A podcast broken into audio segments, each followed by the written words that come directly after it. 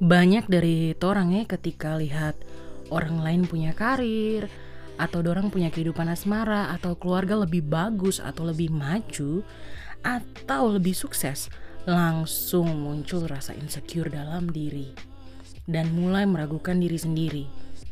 Apa saya ini kurang berusaha ya? Apa belum cukup buat ini itu? Kenapa kok seperti begini ya? Saya ini kurang apa? Padahal teman-teman, tiap orang itu punya proses yang berbeda dalam kehidupan. Menghormati serta menghargai proses dalam hidupnya kita orang, itu sebenarnya bentuk dari mencintai orang punya diri sendiri loh.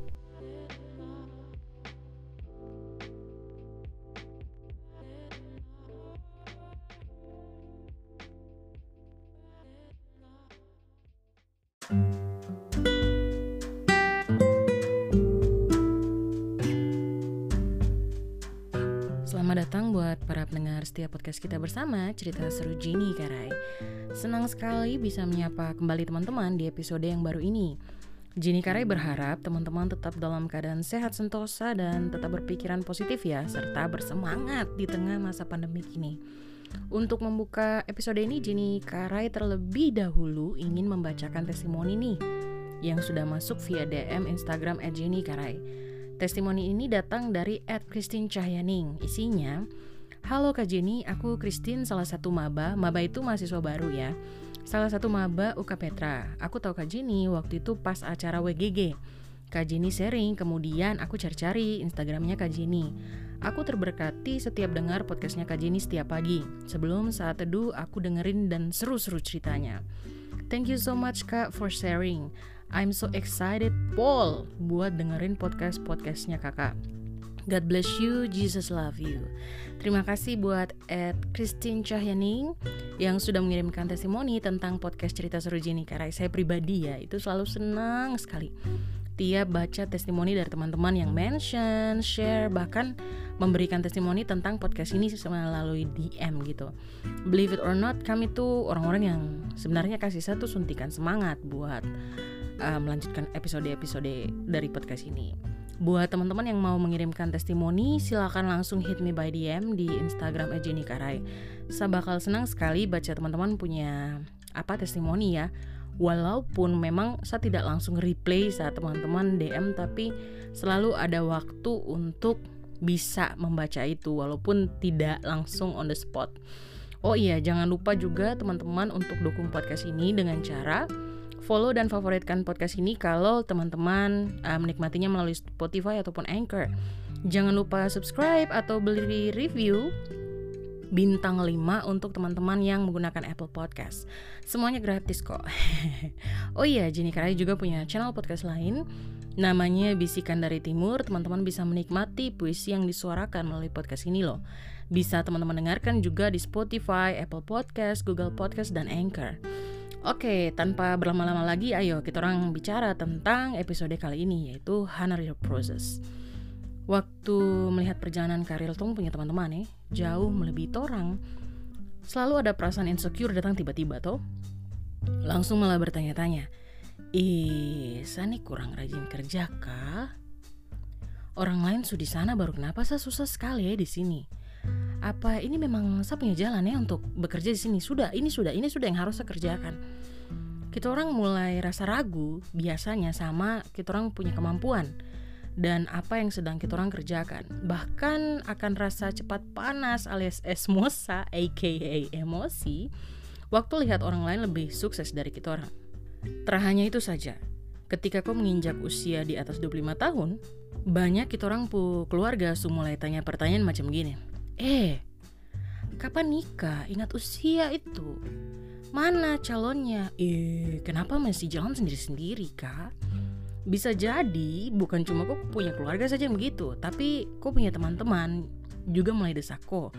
Ku punya kawan-kawan dekat mulai bikin gerakan tambahan macam mak comblangin kok sama dong punya teman-teman yang dipandang dalam tanda kutip sepertinya aku bakalan cocok sama dia deh kalau kita orang sabaran dan sutra tahan Tung punya peluang besar sekali untuk asal dalam cari pasangan hidup. dan pengen cepet-cepet kawin. Gara-gara mungkin kamu punya mama kah, kamu punya bapak kah, supaya pengen imang cucu, langsung kamu bikin shortcut, bikin anak dulu baru diberkati. Padahal kamu tahu sekali bahwa itu juga bisa merugikan sebenarnya. Dan kalau kau sudah punya pacar eh, tapi kamu dua belum siap nikah, ya sama juga. Orang mulai bertanya kiri kanan. Weh, kapan kak ketong dapat undangan nikah nih? Lama sekali. Ji, kan pacaran lama ya? Ih, pokoknya komentator tuh banyak sekali ya dalam terang hidup nih.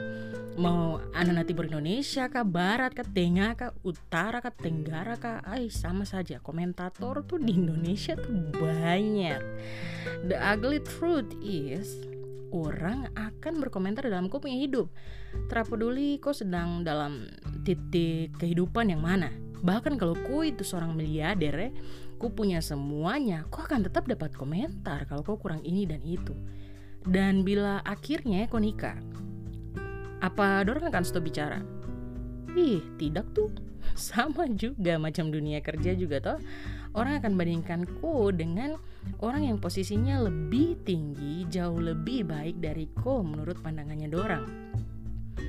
Nah, omongan orang lain inilah yang kadang tuh memicu orang untuk bisa benar-benar menikmati proses hidupnya kita orang.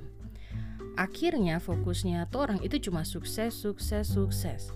Cuma untuk kejar sudah bisa ini, sudah bisa itu, sudah punya ini dan itu.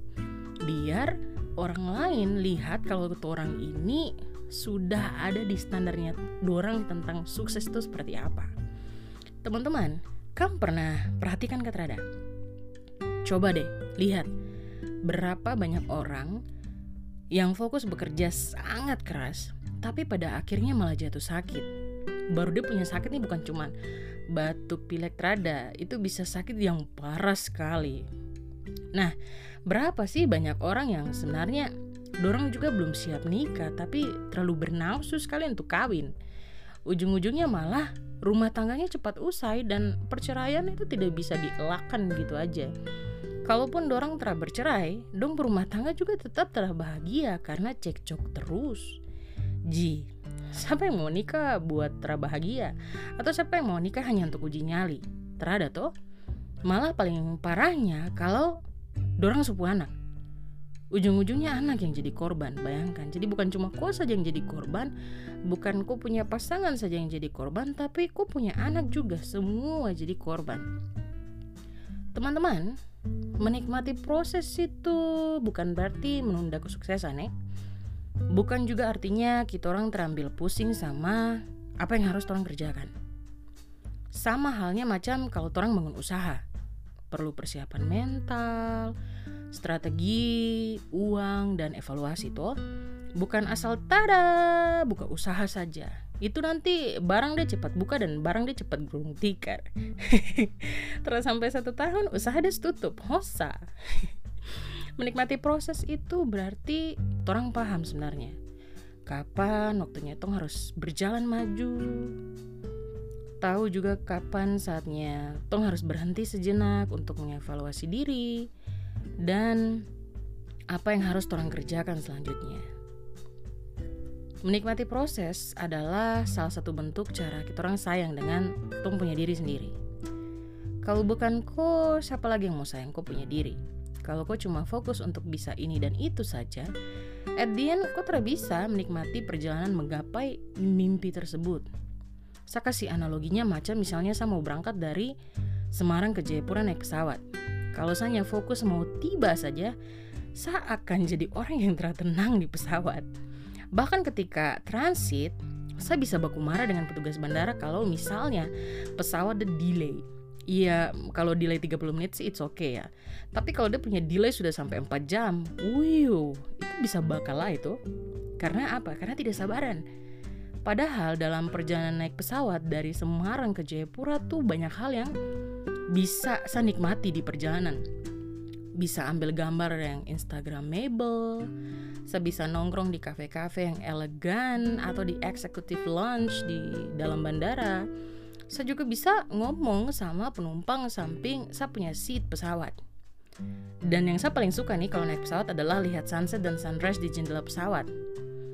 Jadi sebenarnya banyak hal yang bisa saya nikmati dalam perjalanan itu. Dan toh ujung-ujungnya juga kan saya juga akan tiba di Jayapura. Dalam hidup ini kita orang pasti punya ketakutan-ketakutan atau kecemasan akan kegagalan yang kalau orang terperhatikan baik-baik itu bisa buat orang mengambil keputusan yang salah kalau tong terlalu fokus dengan tujuan. Lihat saja berapa banyak cerita tentang korupsi, terus orang-orang yang jadi simpanannya orang sampai pakai ilmu hitam untuk sukses. Macam orang mau cepat-cepat dapat sesuatu yang lebih dalam hidup ini dengan instan. Padahal semua yang ada kata lebih dalam hidup ini selalu menuntut orang untuk bayar harga, untuk bekerja, untuk berkeringat, untuk lebih fokus untuk mencapainya. Nah, hati-hati dengan apa yang kita orang pikirkan dan takutkan. Di titik inilah orang perlu untuk selalu libatkan Tuhan dalam setiap keputusan yang orang mau ambil. Minta Tuhan hikmat dan arahan bagaimana mengambil keputusan uh, saya pribadi tiap bangun tidur ya dalam saya punya doa itu ada kata yang saya bilang sama Tuhan kayak begini kasih saya hikmat untuk ambil keputusan dan temani saya sepanjang hari itu. Teman-teman izinkan saya untuk menutup podcast ini dengan membaca Yesaya 41 ayat 10 dalam versi BIS atau bahasa Indonesia sehari-hari. Dia punya eh, kata-kata uh, tuh begini jangan takut sebab aku menyertaimu Jangan cemas, sebab aku Allahmu. Engkau akan kuteguhkan dan kutolong, kutuntun dengan tanganku yang jaya. Dalam versi Alkitab bahasa Papua Melayunya itu dibilang seperti begini. Jangan takut, karena saya yang sertai ko. Terau usah cemas, karena saya ini kopu Allah. Ko akan saya dan saya tolong, dengan saya punya tangan yang membawa kejayaan. Sampai di sini dulu teman-teman podcast cerita seru Jenny Karai. Jangan lupa bahwa menikmati proses hidup adalah cara orang mencintai orang punya diri sendiri. Mencintai orang punya hidup sendiri. Bahwa dalam proses jangan lupa untuk menikmati perjalanannya. Orang pasti kok akan tiba di destinasinya kita orang masing-masing. Terima kasih teman-teman yang sudah mendengarkan podcast ini. Di mana pun kamu orang berada, Tetap jaga diri, utamakan protokol kesehatan, dan tetap produktif. Sampai bertemu di episode berikutnya. Dadah!